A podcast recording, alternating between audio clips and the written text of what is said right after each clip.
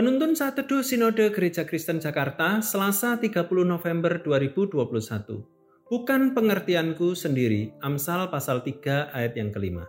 Percayalah kepada Tuhan dengan segenap hatimu dan janganlah bersandar kepada pengertianmu sendiri. Beberapa waktu yang lalu viral di media sosial tentang seorang pemuda yang membantu pengemudi motor dengan memberitahu bahwa ada jalan buntu setelah belokan di depan. Namun sayangnya banyak dari pengendara yang tidak menghiraukan pemberitahuan itu. Bahkan ada yang mengejek dan mengatakan bahwa pemuda itu berbohong. Alhasil banyak pengendara motor yang harus memutar balikkan kendaraannya karena jalannya memang buntu. Ini akibat dari bersandar pada pengertian diri sendiri. Penulis Amsal berkata bahwa janganlah bersandar pada pengertian sendiri, tetapi pada pengertian Tuhan. Seringkali kita merasa kita sudah tahu dan tidak perlu lagi mengandalkan Tuhan.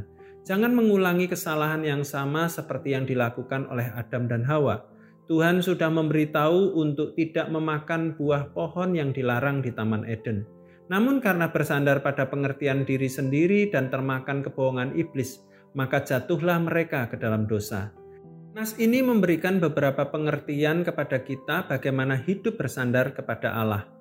Pertama, percayalah kepada Tuhan dengan segenap hati.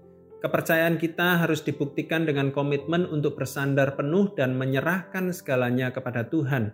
Kedua, segala sesuatu di dalam dunia ini berada dalam kuasa dan kedaulatan Allah. Mungkinkah pengertian kita mampu menjawab semuanya? Tentu tidak, sebab pemikiran kita sebagai manusia sangat terbatas. Oleh karena itu, janganlah bersandar pada pengertian kita sendiri, Ketiga, akuilah dia di dalam segala lakumu, maka Tuhan akan meluruskan jalanmu. Belajarlah untuk melibatkan Tuhan dalam hidup kita. Berhasil atau tidak bukanlah bergantung pada kita, tetapi kehendaknya. Karena itu percayakan segalanya kepada Allah dengan sepenuh hati. Karena pengertian kita terbatas, maka belajarlah pada yang empunya hikmat tak terbatas, yaitu Tuhan Yesus. Tuhan Yesus memberkati kita semua.